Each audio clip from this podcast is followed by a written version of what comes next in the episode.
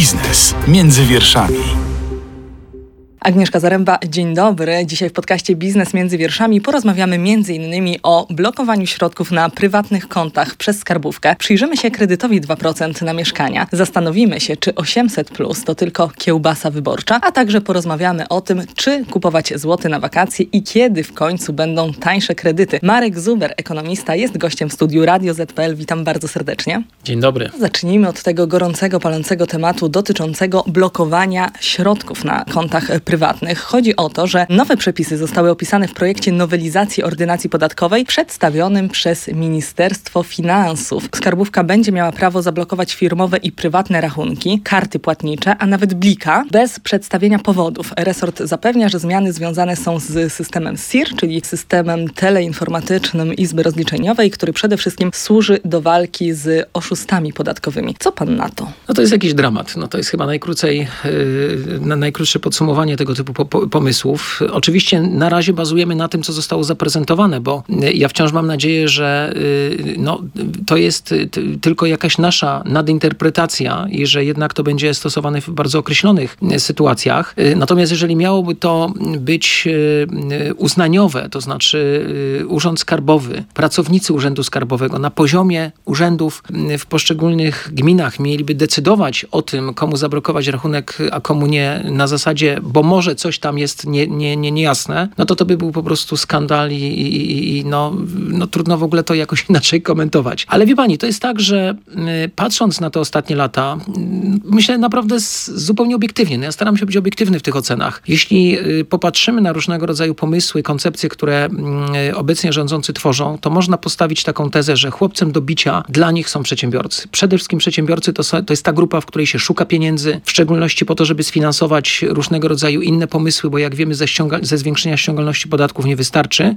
To znaczy z tego prostego zwiększenia ściągalności podatków. No i dlatego wymyśla się tego typu rzeczy, żeby y, zwiększając, y, przykręcając coraz bardziej tę śrubę, y, zabierać pieniądze nie tylko w sytuacjach, w których rzeczywiście dochodzi do jakichś nadużyć i rzeczywiście przedsiębiorca wchodzi na przykład w szarą strefę, nie mówiąc już o czarnej strefie, czyli o w ogóle działaniu z, no, z absolutnym przekroczeniem prawa. Więc cały czas mamy pomysły, które zwiększają obciążenie podatkowe de facto i parapodatkowe. Nie mówię tutaj tylko o CIT-ie jako tym podstawowym podatku, czy picie, jeżeli mamy jednoosobową działalność gospodarczą płaconym przez przedsiębiorców, ale mówię o różnego rodzaju innych daninach, yy, które się płaci. No myślę, że Polski Ład był najlepszym tego przykładem, zresztą wielokrotnie zmieniane w ciągu roku. No i dzisiaj y, te zapowiedzi dotyczące nowej ordynacji, która ma być przełomowa, fantastyczna i cudowna, no to ja dokładnie podchodziłem do tego tak samo jak do Polskiego Ładu, biorąc pod uwagę, jak ten Polski Ład się yy, skończył. Więc niestety nie, nie mam nadziei, że to będzie lepsze. Niestety yy, będzie to kolejna próba zabrania jakichś pieniędzy przedsiębiorcom. Zresztą jak mamy dzisiaj informacje dotyczące na przykład wykładni podatkowych różnego rodzaju, wiemy, że, że, że, że koszty z tym związane będą dużo, dużo wyższe niż dzisiaj. Mamy pewne rzeczy, które ułatwiały działalność przedsiębiorcom, likwidowane, więc ewidentnie idziemy w kierunku y, jeszcze większego szukania pieniędzy w tej grupie społecznej. Zastanówmy się, przeanalizujmy to, co ma się zmienić. Do niedawna banki musiały udzielać wglądów w prywatne konta obywateli tylko w sytuacji, kiedy toczyło się przeciwko nim postępowanie. Wcześniej o prześwietlenie konta y, obywatela mogli wnioskować szef KAS i naczelnik Urzędu Celno-Skarbowego. Teraz uprawnienia takie ma otrzymać także naczelnik Urzędu Skarbowego. Według nowych przepisów skarbówka będzie miała prawo do blokowania rachunków prywatnych osób mających zarejestrowaną jednoosobową działalność gospodarczą. No i jeszcze to wydłużenie blokowania rachunków. Skarbówka będzie mogła bez przedstawienia dowodów winy blokować rachunki na 96 godzin, a obecnie szef KAS może to zrobić na 72 godziny. No i tak dalej mogłabym wymieniać. Czy któreś z tych punktów szczególnie Pana interesują? Ja bym może nawet, jeżeli rzeczywiście y, walka z nadużyciami jest jednym z najważniejszych, z najważniejszych tez, zadań, które postawił sobie ten rząd, czy ci rządzący, bo pamiętamy, że oczywiście wszystko się działo w 2015 roku i w dużej mierze oczywiście jest to słuszny kierunek, ja, ja tego nie neguję, ale jeśli mamy stosować takie metody i w takim kierunku iść, to równolegle należy w sposób zasadniczy zwiększyć odpowiedzialność choćby, choćby właśnie urzędników urzędach skarbowych za decyzje, które naraziły na straty, które doprowadziły do problemów w firmach, a do których nie było żadnych podstaw. Yy, jeśli tak, to dobrze. To w tym kierunku możemy iść. Ale tutaj nie ma w ogóle na ten temat y, y, żadnych zdań, a przecież wie pani doskonale, że jednak w Polsce urzędnik w dalszym ciągu nie ma jakiejś wielkiej odpowiedzialności z tytułu swojej działalności. Mamy aż nadto różnego rodzaju nawet programów w mediach, y, które się takimi tematami zajmują i które pokazują właśnie ten totalny brak odpowiedzialności. A skoro tak, no to oczywiście mogę sobie robić co chcę. Wie pani, najsmutniejsze w tym wszystkim jest to, że moje osobiste doświadczenia z urzędami skarbowymi w ostatnich latach pokazują, że po pierwsze one się stają coraz bardziej merytoryczne i po drugie, że naprawdę mm, ten y, takie wyobrażenie y, niemalże kata w postaci urzędnika w urzędzie skarbowym y, odchodzi w przeszłość.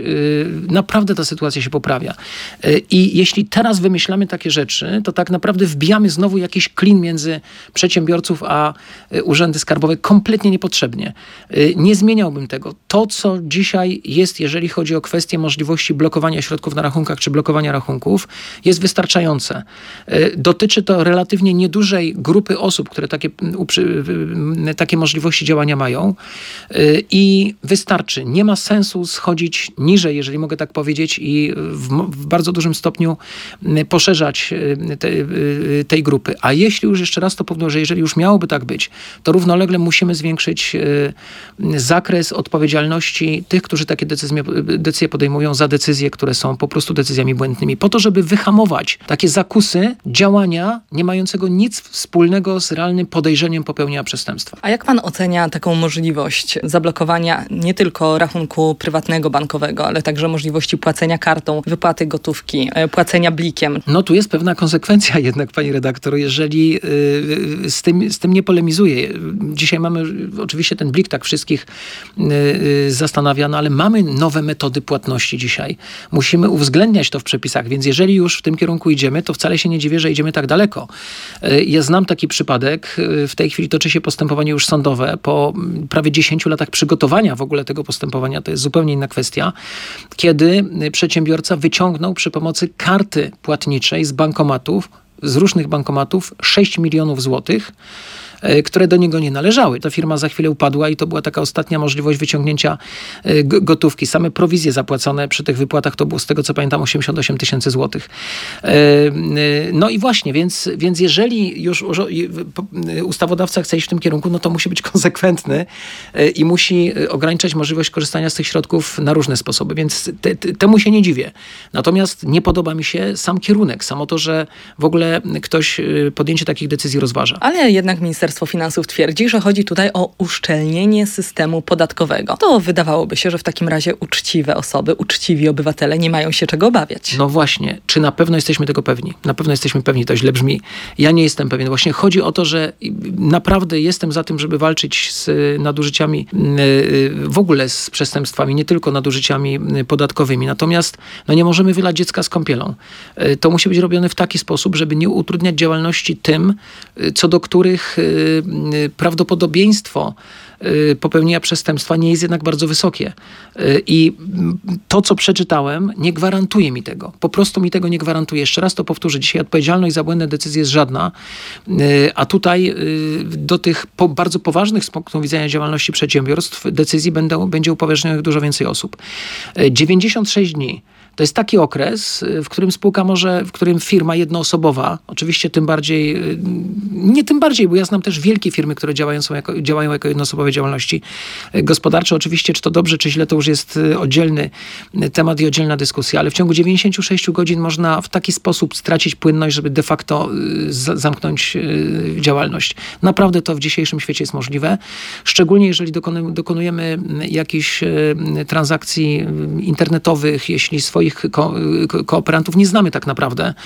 Y, y, kupujemy coś na drugim końcu świata. Y, no, liczy się oczywiście termin, liczą się przelewy. No i komu ja potem będę tłumaczył, jeżeli byłbym w takiej sytuacji w Chinach, w Pakistanie, czy nawet w Stanach Zjednoczonych, które wydają nam się znacznie bardziej cywilizowanym oczywiście krajem, że nie zapłaciłem na czas, bo mi urząd skarbowy przez pomyłkę zablokował mój, mój, rachunek. No, no to jest w ogóle jakieś, jakieś zbyt daleko idące z całą pewnością. Mnie się to nie podoba.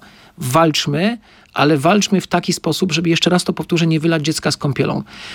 No, najprostszym, najprostszą metodą ochrony przed szarą strefą jest zabronienie działalności gospodarczej. Będziemy mieli problem z głowy. Nie będzie działalności, nie będzie podatków i nie będziemy mieli szarej strefy. No ale wiem, że tak się nie da, bo oczywiście to oznacza, że nie będzie pieniędzy na nic i generalnie nic się nie będzie działo.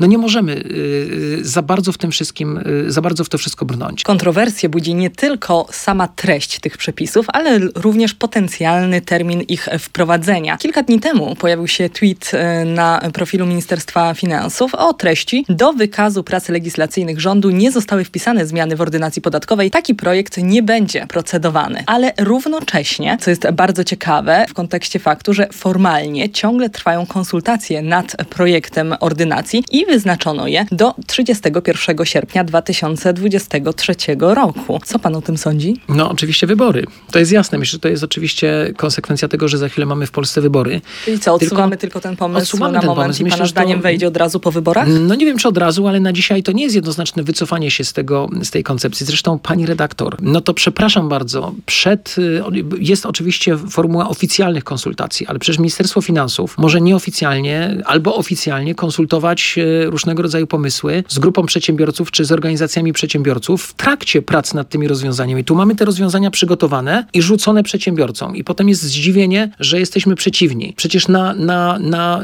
w momencie tworzenia tych przepisów, yy, tam cały czas są konsultacje, no przecież spotykają się ci ludzie, więc chyba jasne jest, jaki kierunek y, jest y, akceptowalny, a jaki nie jest akceptowalny. I teraz co, jest zdziwienie, że jest oburzenie? A jeżeli jest to oburzenie, to nagle wycofujemy się z szybkiego przyjęcia tych zmian na okres po wyborach, czyli boimy się jednak gniewu ludu, przynajmniej części ludu oczywiście, bo to będzie dotyczyło przede wszystkim przedsiębiorców, no to znaczy, że to jest kompletnie niepoukładane, jeżeli chodzi o tą chronologię tworzenia prawa. No znowu taki y, no, kompletnie bezsensowny mm, wystrzał na krótko przed, przed, przed wyborami, do którego wcale by nie musiało dojść. No wystarczyłoby po prostu mieć lepszy kontakt z y, organizacjami, których, y, czyli z organizacjami przedsiębiorców, których te przepisy dotyczą. Jeżeli chodzi o dobry kontakt, y, czy z przedsiębiorcami, czy po prostu z obywatelami, to przechodzimy teraz do kolejnego tematu, którym jest waloryzacja świadczenia 500. Ma być zwaloryzowane do kwoty 800 zł od 1 stycznia 2024 roku. Pytanie, czy nas na to stać, czy nas na to nie stać, to jest jedna sprawa, ale odpowiada rzecznik rządu Piotr Müller, że środki na waloryzację świadczenia zostały zabezpieczone. Uspokaja to pana? Tak, no jak y, obecni mm, premier, rzecznik rządu mówią, że jest wszystko w porządku, to ja im wierzę. Y, pani redaktor, mm, zresztą tak naprawdę to chyba dotyczy niestety znacznej części polityków, nie tylko tych obecnie rządzących. Pani redaktor, y, słyszała Pani o tej waloryzacji budżetu tegorocznego? Która się zadziała między Bożym Ciałem a długim weekendem, czy znaczy a weekendem, czyli sobotą a niedzielą związaną z Bożym Ciałem, czyli w trakcie długiego weekendu. No właśnie, zabezpieczyliśmy środki na 800. W jaki sposób? Ano, pożyczymy po prostu więcej pieniędzy, czyli będziemy się bardziej zadłużać. No to jest sposób zabezpieczenia środków na, y, na, na, na 500. To o to chodzi tak naprawdę? A z żeby pokazać strony pojawiają się jednak argumenty ze strony rządzącej, że te środki będą pochodziły z zatrzymania karuzeli VAT-owskiej. Ale pani redaktor, myśmy do sufitu doszli, jeżeli chodzi o karuzele VAT-owskie. No to jest to, to oczywiście ta teza w kółko opowiadana przez y, przedstawicieli rządzących, a jak się pokazuje im wyliczenia, przecież oni sami te wyliczenia mają. Ministerstwo Finansów te wyliczenia pokazuje. E, teraz już nie pokazuje na stronach internetowych, pokazywało bodajże do roku 2018, kiedy ówczesna minister finansów e, powiedziała, że e, ściąganie, odchodząc zresztą, że ściągalność podatków, oczywiście nie wliczając zwiększonych dochodów wynikających ze wzrostu gospodarki, się gospodarka szybciej rozwija, oczywiście to z tego mamy więcej dochodów budżetowych, to jest rząd wielkości dwudziestu kilku miliardów złotych. W roku 2019 Ministerstwo Finansów powiedziało, że ten przyrost ściągalności to jest rząd wielkości kilkuset milionów złotych. Szybko ze strony internetowej ściągnięto tę informację, ale wtedy oczywiście postawiliśmy tezę, że doszliśmy do sufitu. E, więc już nie, nie zbierzemy 20 miliardów kolejnych z tytułu walki z karuzelami VAT-owskimi w Polsce, a w każdym razie nie stanie się to w ciągu miesięcy czy kwartałów. No to jest nieprawda.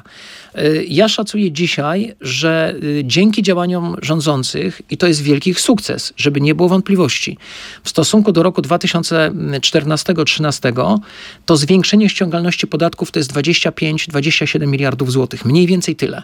Natomiast reszta tych pomysłów, które zostały y, prezentowane i wdrożone na czele z 500, dzisiaj mamy 800, ale z 500, z obniżeniem wieku emerytalnego, bo to są te dwa najdroższe elementy układanki, były finansowane obok zwiększenia ściągalności podatków właśnie ze wzrostu gospodarczego, czyli przejadaliśmy ten wzrost w jakiejś mierze. Nie używam tego słowa na razie złośliwie, po prostu stwierdzam pewien fakt. No i druga rzecz, z zadłużania się, bo przecież Polska cały czas cały czas przez te ostatnie lata miała dziurę w budżecie. Yy, I to zarówno w tym budżecie centralnym, jak i poza centrum, y, czyli mieliśmy oczywiście duży deficyt y, w, całych finansach publicznych. Przy czym nie mam tutaj na myśli samorządów, bo one też wchodzą w finanse publiczne, tylko chodzi mi o te różnego rodzaju, ja to nazwam rozmydlaniem finansów publicznych, instytucje, które pożyczają pieniądze, mając pełną gwarancję państwa, a tak naprawdę ich dług nie wchodzi w dług sektora finansów publicznych na czele z Polskim Funduszem Rozwoju, z Bankiem Gospodarstwa Krajowego, z Funduszem Covidowym i z wieloma, z wieloma innymi funduszami. Myśmy cały czas pożyczali pieniądze, a warto y, przypomnieć, że w roku 2018 19 y, krajów Unii Europejskiej miało nadwyżki budżetowe, a w 19 jeszcze już gospodarka zaczęła hamować w Europie. Tych krajów było 18. Niemcy miały 8 lat pod rząd nadwyżki budżetowe. Dobrze, to jest wielki, bogaty kraj, ale Czechy, nasz sąsiad z południa, miały 4 lata pod rząd do roku 2019 nadwyżki w budżecie. Mi nigdy. Więc także z tego źródła finansowaliśmy te różnego rodzaju pomysły. No i teraz, pani redaktor, sumujmy to wszystko. W tym roku dochody budżetu będą w okolicach 600 miliardów złotych. Pytanie o przyszły rok. Załóżmy, że to będzie trochę więcej niż średnioroczna inflacja w tym roku. Powiedzmy, że to będzie rząd wielkości 660-670 miliardów złotych. Dochody w przyszłym roku. Koszty programu 800, obniżenia wieku emerytalnego, Mówię tylko o tych dwóch najważniejszych rzeczach, to będzie około 100 miliardów złotych. A jak dodamy wszystkie inne pomysły, które zostały wprowadzone, 13 e, emerytury, 14 emerytury i te mniejsze różnego rodzaju rzeczy, e, to myślę, że to będzie rząd 130-140 miliardów, czyli 670 miliardów dochody, 650, no zobaczymy jak to będzie i 130-140 miliardów e, złotych z tego to są tylko te pomysły ostatnich lat. Dużo, niedużo, no będziemy no się cały czas zadłużać. rodzi się oczywiście. pytanie, czy w związku z tym podnosić, czy nie podnosić wysokość tego Ja bym podniósł, mówię zupełnie szczerze, ja nie jestem w ogóle przeciwnikiem programu 500 plus i 800 plus. Ja bym podniósł, tylko zrobiłbym wielkie, wielki przegląd y, wydatków socjalnych w Polsce, bo pani redaktor, no y, jeśli pomysłodawca tego y, programu, nie mam tutaj na myśli Jarosława Kaczyńskiego, tylko jednego z polskich naukowców, y, sam twierdził, że to nie zwiększy dzietności, to miał być program, który zapewni poprawę sytuacji bytowej rodzin wielodzietnych o niższych dochodach, ale nie zwiększy dzietności. On użył chyba takiego sformułowania, bardzo bym się zmartwił, gdyby ta dzietność wzrosła, bo to znaczy, że Polacy patrzą tylko i wyłącznie przez pryzmat pieniędzy. Ale znaczy, dane pokazały, to... że spadło ubóstwo wśród dzieci. Ubóstwo spadłowe, ale ja właśnie do tego zmierzam. Czyli nie jest to program zwiększający dzietność, jest to program socjalny pomagający tym, którzy są w, w trudniejszej sytuacji. W związku z tym powinniśmy zrobić przegląd tych wszystkich programów, które zostały wprowadzone albo które już istniały i skoncentrować się na pomocy tym, którzy po prostu tej pomocy potrzebują, którzy, którzy mają najniższe dochody.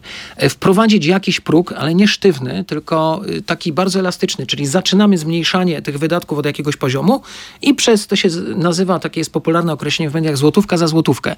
Czyli jak przekraczamy ten próg, to dalej dostajemy pieniądze, tylko już mniej. I gdzieś tam w perspektywie y, kilkuset złotych y, dochodu na mieszkańca, może tysiąca złotych dochodu na, na, na, na członka rodziny, przepraszam, nie na mieszkańca, wygaszamy taką pomoc społeczną.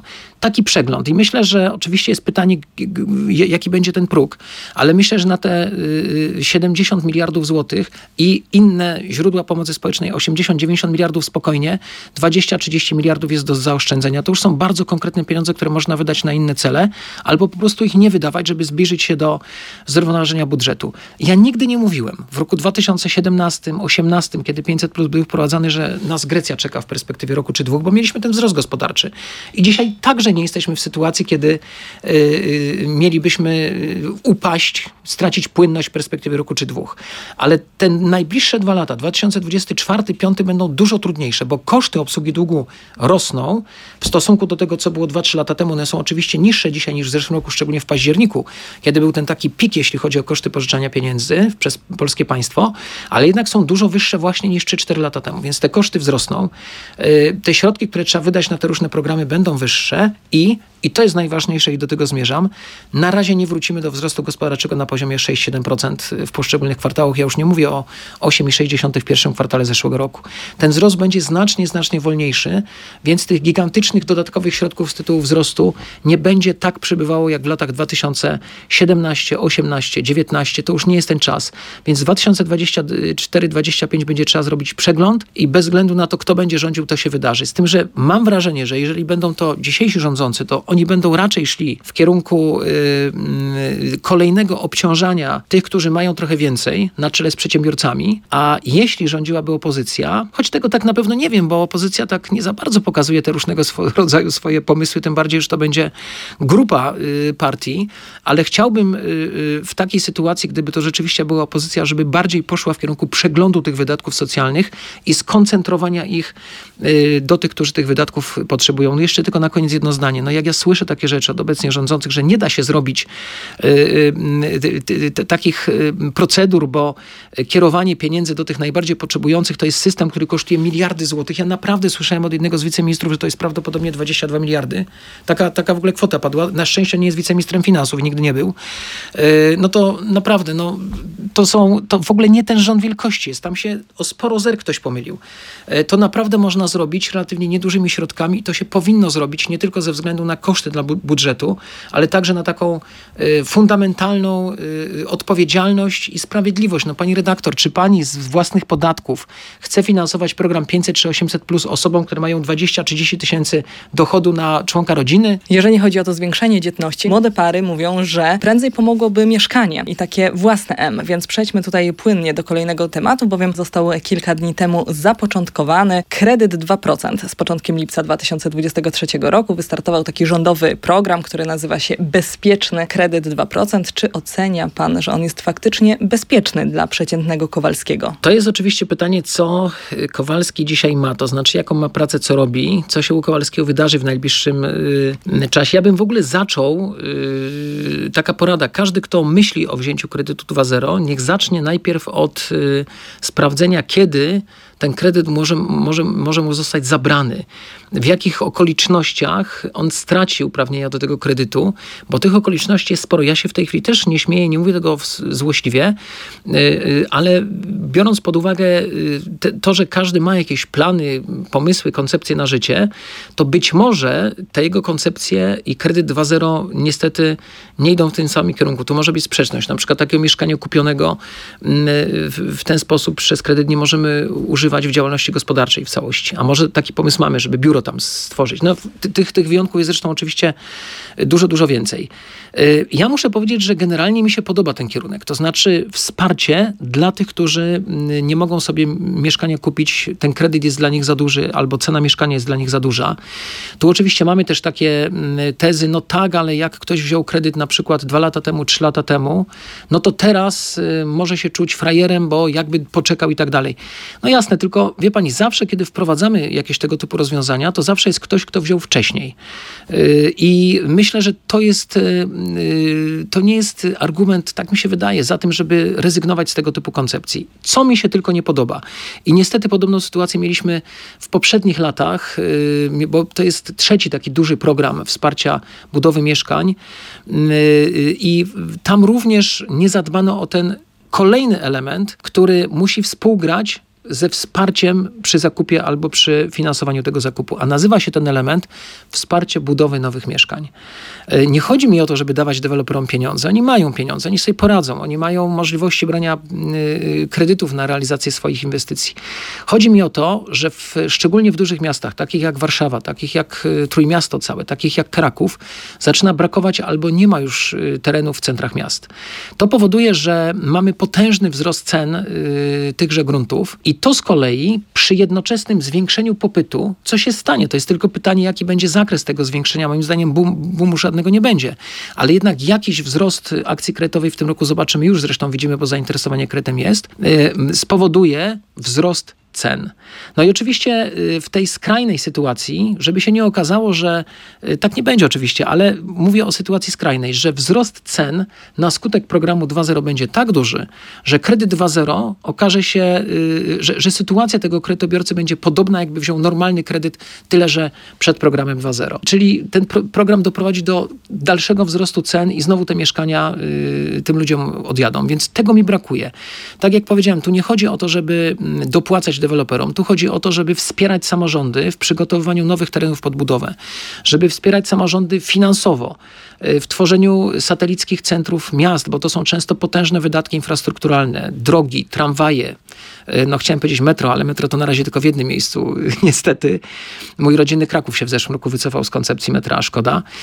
Y, no ale różnego rodzaju inne rzeczy, czyli, czyli doprowadzenie do tego, żeby ludzie chcieli kupować mieszkania w odległości 10, 12, 8 kilometrów od dzisiejszego centrum i żeby się tam dobrze czuli. No właśnie dlatego, że tam też będzie jakieś takie quasi-centrum. Samorządy często nie są w stanie udźwignąć tego finansowo e, i tutaj jest moim zdaniem potrzebna pomoc państwa i ta rola państwa tutaj jest moim zdaniem bardzo istotna. No i oczywiście też pamiętajmy o tym, że uchwalanie planów zagospodarowania przestrzennego też idzie jak po grudzie w wielu, wielu gminach. Tu też by trzeba było to wszystko przyspieszyć. I teraz taki program mieszkaniowy dla narodu, tak górnolotnie powiem, powinien się składać właśnie z tych dwóch elementów, czyli z jednej strony wspieramy zakup mieszkań y, dla tych, którzy no, mają troszkę niższe dochody, nie są w stanie sami tego zrobić. Jednocześnie wspieramy y, y, deweloperów w realizacji budowy, żeby tych mieszkań było bardzo dużo, żeby podaż była bardzo duża. I jeszcze jest trzeci element dopełniający to wszystko, czyli mieszkania komunalne. Bo zawsze będą tacy, tacy który, którzy nawet z tą dopłatą nie będą w stanie mieć swoich mieszkań, kupować swoich mieszkań, swoich domów, brać tych kredytów. Więc to jest trzeci element dopełniający system. I to jest system. Ja czekam, y, żeby któryś rząd pokazał mi całościowe rozwiązanie, y, bo wtedy będę spokojny, że to nie doprowadzi na przykład do bardzo poważnego wzrostu cen. A zainteresowanie jest bardzo duże. Z danych wynika, że w czerwcu chętnych na ten standardowy kredyt mieszkaniowy było o blisko 13% więcej niż w analogicznym okresie jeszcze rok temu. Na ten moment, jeżeli chodzi o kredyt 2%, to wydaje on się dużo bardziej atrakcyjny finansowo, nawet jeżeli doliczymy jeszcze tam marże banku, to i tak jest on sporo niższy niż te standardowe kredyty, które właściwie ich oprocentowanie rozpoczyna się od 7-8% y, i idzie ono w górę. W związku z tym teraz e, rodzi się kolejne pytanie, kiedy czekają nas tańsze kredyty? Jesteśmy tuż po ogłoszeniu decyzji przez RPP. Zaskoczony pan jest? No nie, no myślę, że nikt nie jest zaskoczony, bo spodziewaliśmy się oczywiście, że nie będzie żadnych ruchów. No i tutaj stopy pozostały na niezmienionym pozostały poziomie. na niezmienionym poziomie, w tym ta najważniejsza, czyli tak zwana referencyjna, ta, która wynosi 6,75%, bo ona ma bezpośredni wpływ na koszt pieniądza na rynku, czyli na ten tak zwany WIBOR, wciąż jeszcze stanowiący podstawę. Jak wiemy, będziemy mieli za chwilę nową stawkę. To jest też ciekawa dyskusja, bo zobaczy Pani, jak y, rzeczywiście te stopy zaczną, y, będziemy mieli ten moment, kiedy rynek zacznie oczekiwać na poważnie obniżek stóp procentowych i wtedy się okaże, że Wiron jest wyższy od Wiboru, 3-miesięcznego, 6-miesięcznego. Będzie znowu afera, bo na razie jest afera, dlaczego Wibor był wyższy od Wironu i to oszustwo banków było, a Wiron oczywiście wtedy jeszcze nie funkcjonował. On formalnie w zasadzie zaczął funkcjonować w, w październiku, liczony był oczywiście wcześniej. No ale w październiku formalnie są już banki, które zdecydowały się na takie transakcje za pośrednictwem Wironu, znaczy po koszcie Wironu. No w każdym razie to jest oczywiście kwestia tego, jak tworzymy te, te stawki, ale to jest, tak jak powiedziałem, zupełnie inna dyskusja. Mam wiele zastrzeżeń do tego, w jaki sposób Adam Glapiński prowadzi konferencje prasowe. Niestety, moim zdaniem, te konferencje w sposób dramatyczny obniżają prestiż Narodowego Banku Polskiego, czyli Banku Centralnego. Brakuje dialogu? Brakuje dialogu, ale też, no wie pani, no nie może być tak, że apolityczny, no i to już jest pierwszy problem, pierwsze zastrzeżenie, czy apolityczny. Apolityczny prezes Banku Centralnego, merytoryczny człowiek, y, obraża tych, którzy mają inne zdanie i którzy też są latami na rynku, też się tym zajmują. No nie może tak być, a tak jest. No ja już nie mówię o tych y, całych dyskusjach o soku pomarańczowym i, i kiszonej kapuście. Dobrze, może Adam Glapiński myśli, że to jest fajne. Liczb. Dobrze, rozumiem, że to jest jakiś jego pomysł na, na prowadzenie tego, ale co ja chciałem powiedzieć? Mam bardzo dużo zastrzeżeń, ale zgadzam się z jedną rzeczą. Po pierwsze, nie chciałem stóp procentowych y, na poziomie 18-20%, a byli członkowie Rady, którzy w tym kierunku chcieli iść. Uważałem, że byłby to wielki błąd i to by było trochę na zasadzie y, inflacji zbiliśmy, tylko że pacjent zmarł. Gospodarka nam się zapadła, więc y, nie byłem entuzjastą tego pomysłu. Uważam, że stopy są mniej mniej więcej na tym poziomie, na którym być powinny. Cały czas uważam, że za późno zaczęliśmy je podnosić, ale już zostawmy kwestię czasu, bo oczywiście Adam Glapiński twierdzi, że wszyscy na świecie poważni ekonomiści uważają, że nie, czyli ja jestem niepoważny, rozumiem. Cóż zrobić, na szczęście nie jestem osamotniony w tej niepowadze. Natomiast y, konsekwencją tego, że te stopy nie, tych stóp nie podnieśliśmy bardziej, moim zdaniem powinno być to, że musimy je teraz dłużej utrzymywać na y, takim poziomie, jak jest dzisiaj. Dlatego, że o wiele łatwiej będzie zbić inflację z poziomu 18,4, czyli szczyt lutowy, do 7-8%, mam nadzieję, że tyle zobaczymy na koniec roku, niż potem z tych 7-8 do tego, co chcemy mieć, do 2,5. To będzie wielka, ciężka walka i to będzie trwało miesiącami. W związku z tym, moim zdaniem, pierwsze obniżki stóp powinny nastąpić dopiero wtedy, kiedy inflacja zejdzie poniżej poziomu tej stopy referencyjnej, co się nie stanie moim zdaniem wcześniej. To jest optymistyczna wersja niż w pierwszym kwartale 2024 i to jest, tak jak powiedziałem, optymistyczna wersja. Jeśli zaczniemy te stopy obniżać wcześniej, to ryzykujemy tym, że inflacja na poziomie 5, 6, 7% będzie z nami nie półtora roku czy dwa lata, ale 5 lat. I bardzo trudno, a może będzie trzeba jeszcze za półtora roku czy za dwa znowu te stopy trochę podnosić. Więc ja nie jestem fanem obniżenia stóp procentowych w trzecim kwartale czy w czwartym kwartale tego roku, chyba żeby się cud jakiś wydarzył, ale tego cudu na horyzoncie na razie nie widać. Czemu ja w ogóle o tym mówię? No bo kilku członków Rady zaczęło przebąkiwać o tym, że jeśli właśnie ta perspektywa najbliższych miesięcy to będzie jednocyfrowa inflacja, to te obniżki stóp nastąpią w tym roku. A jeśli jeszcze by się okazało, że ta pierwsza obniżka nastąpiłaby przed wyborami, to ja nie miałbym wątpliwości, że nie kwestie merytoryczne, tylko polityka y, wygrała, a to bardzo by było smutne, bo w całym, na całym, w całym cywilizowanym świecie ten element y, niezależności, całkowitej niezależności politycznej banku centralnego jest y, fundamentem myślenia w ogóle o gospodarce. Więc jeśli tak by było, że te stopy zostałyby na przykład we wrześniu obniżone, no to ja bym to niestety już jednoznacznie interpretował jako działanie polityczne, a nie merytoryczne ale może. Teraz tak jeszcze będzie. tak podsumowując, dla przeciętnego Kowalskiego, który zastanawia się, kiedy to mieszkanie kupić, co by mu pan podpowiedział? Dzisiaj jest bardzo dobry moment, tak samo jak miesiąc temu był, był bardzo dobry moment i dwa lata temu był bardzo dobry moment. Dlaczego? Dlatego, że zobaczmy, zobaczmy, jeśli bierzemy kredyt hipoteczny, to to jest kredyt na 20, 25, 30 lat. Był nawet taki bank, który dawał na 50 lat, ale już go nie ma. W każdym razie na bardzo długi okres czasu. Więc na pewno w ciągu tych 20 lat będą okresy niskich stóp procentowych i będą okresy wysokich stóp procentowych. Oczywiście to jest pytanie, co to znaczy niskie i wysokie. Yy, więc jeżeli weźmiemy dzisiaj, kiedy te stopy są bardzo wysokie, to z dużym prawdopodobieństwem za chwilę po pierwsze będą niższe za rok, dwa, trzy, ale po drugie być może już nigdy nie spotkamy się z tak wysokimi stopami w perspektywie tych 20 lat, więc już wiemy, już najgorsze będziemy mieli za sobą. Jeżeli dzisiaj stać nas na to, żeby ten kredyt wziąć, stać nas, to znaczy z jednej strony mamy zdolność kredytową, a z drugiej strony no mamy na tyle środków faktycznie, nie tylko na skutek policzenia zdolności, ale faktycznie, żeby obsługiwać ten kredyt, to to jest absolutnie dobry moment, żeby ten kredyt wziąć. Jedyny problem to jest właśnie ta zdolność. No bo przy bardzo wysokich stopach procentowych bank wyliczy nam, że możemy wziąć mniej. No i teraz pytanie, czy nasze dochody pozwolą na to, żeby wziąć taki kredyt, żeby kupić to, co kupić chcemy, albo wybudować to, co wybudować chcemy. To jest jedyne ograniczenie.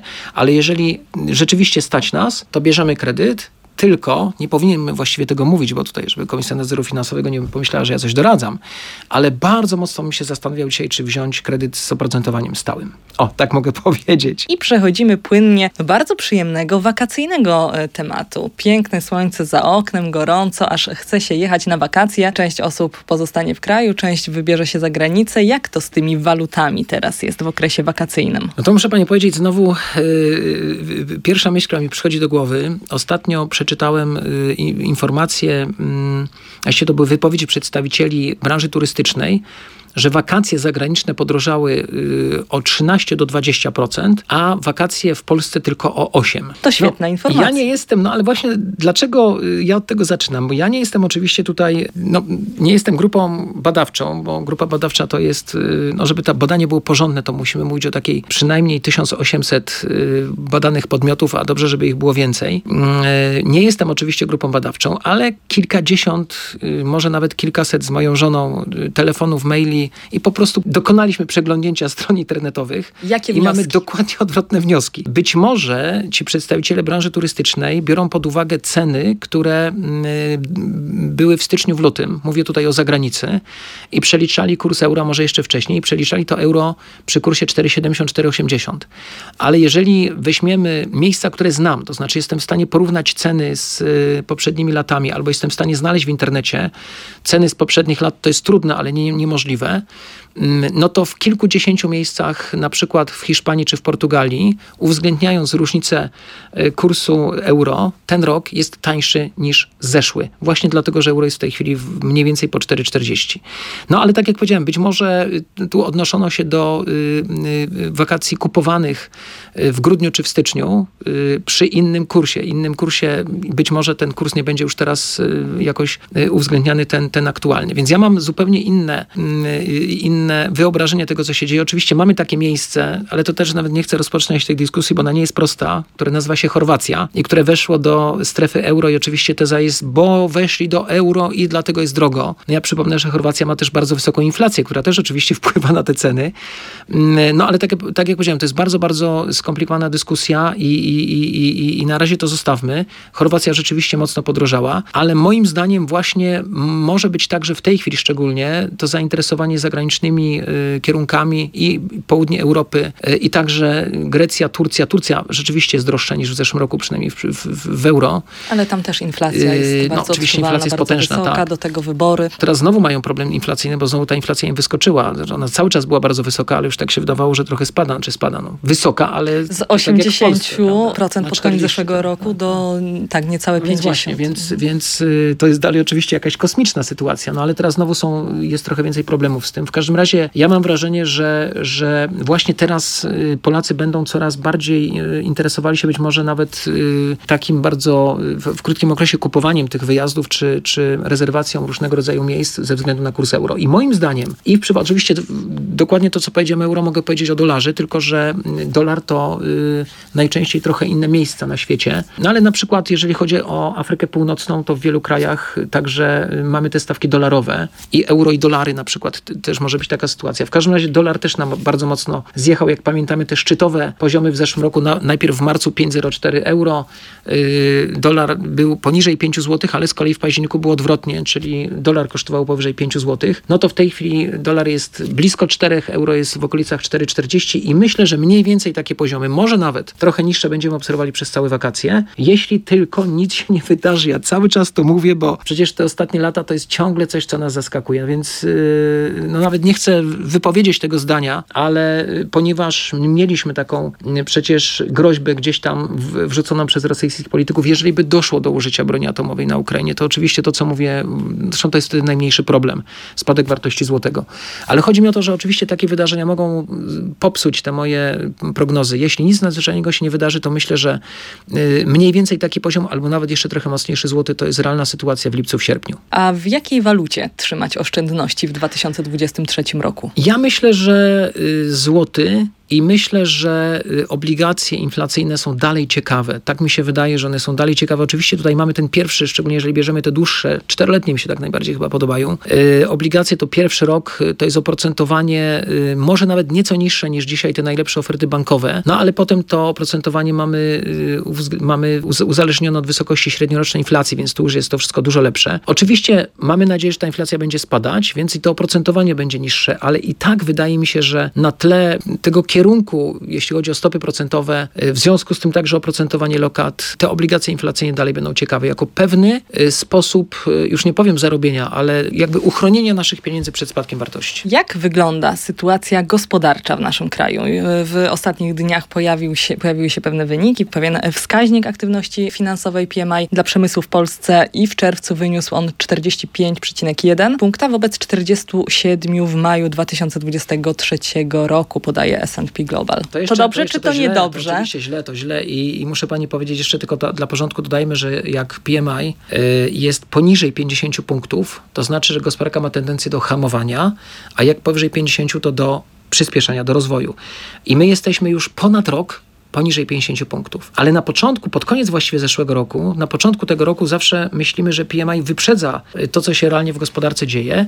On cały czas był na minusie, ale już się poprawiał. W związku z tym znaczna część ekonomistów, analityków stawiała taką tezę, będzie bardzo zły pierwszy kwartał. E, on nie był taki zły też, jak niektórzy myśleli, no ale mamy ten minus, jeśli chodzi o wzrost gospodarczy rok do roku, bo mamy spadek PKB od 0,3%, chociaż też trzeba brać pod uwagę, że ten pierwszy kwartał zeszłego roku był nadzwyczajnie fantastyczny. Tam firmy przez kim budowały e, magazyny, no też długo o tym mówić. Trochę też efekt bazy tutaj przeszkadza temu pierwszemu kwartałowi, no ale mamy minus. No i w tej prognozie założenie było takie, że właściwie drugi kwartał już będzie y, dużo lepszy, a potem to może nie wystrzał, ale systematyczna poprawa i w tych prognozach zakładano, że wzrost gospodarczy w tym roku będzie między 1,5-2%. No to teraz się od tego oddalamy. Ewidentnie, bo ten PMI po pierwsze, teraz y, dwa miesiące temu z tej ścieżki wzrostu nam zleciał. Y, właściwie trzy miesiące temu, ale wtedy ten ruch był minimalny.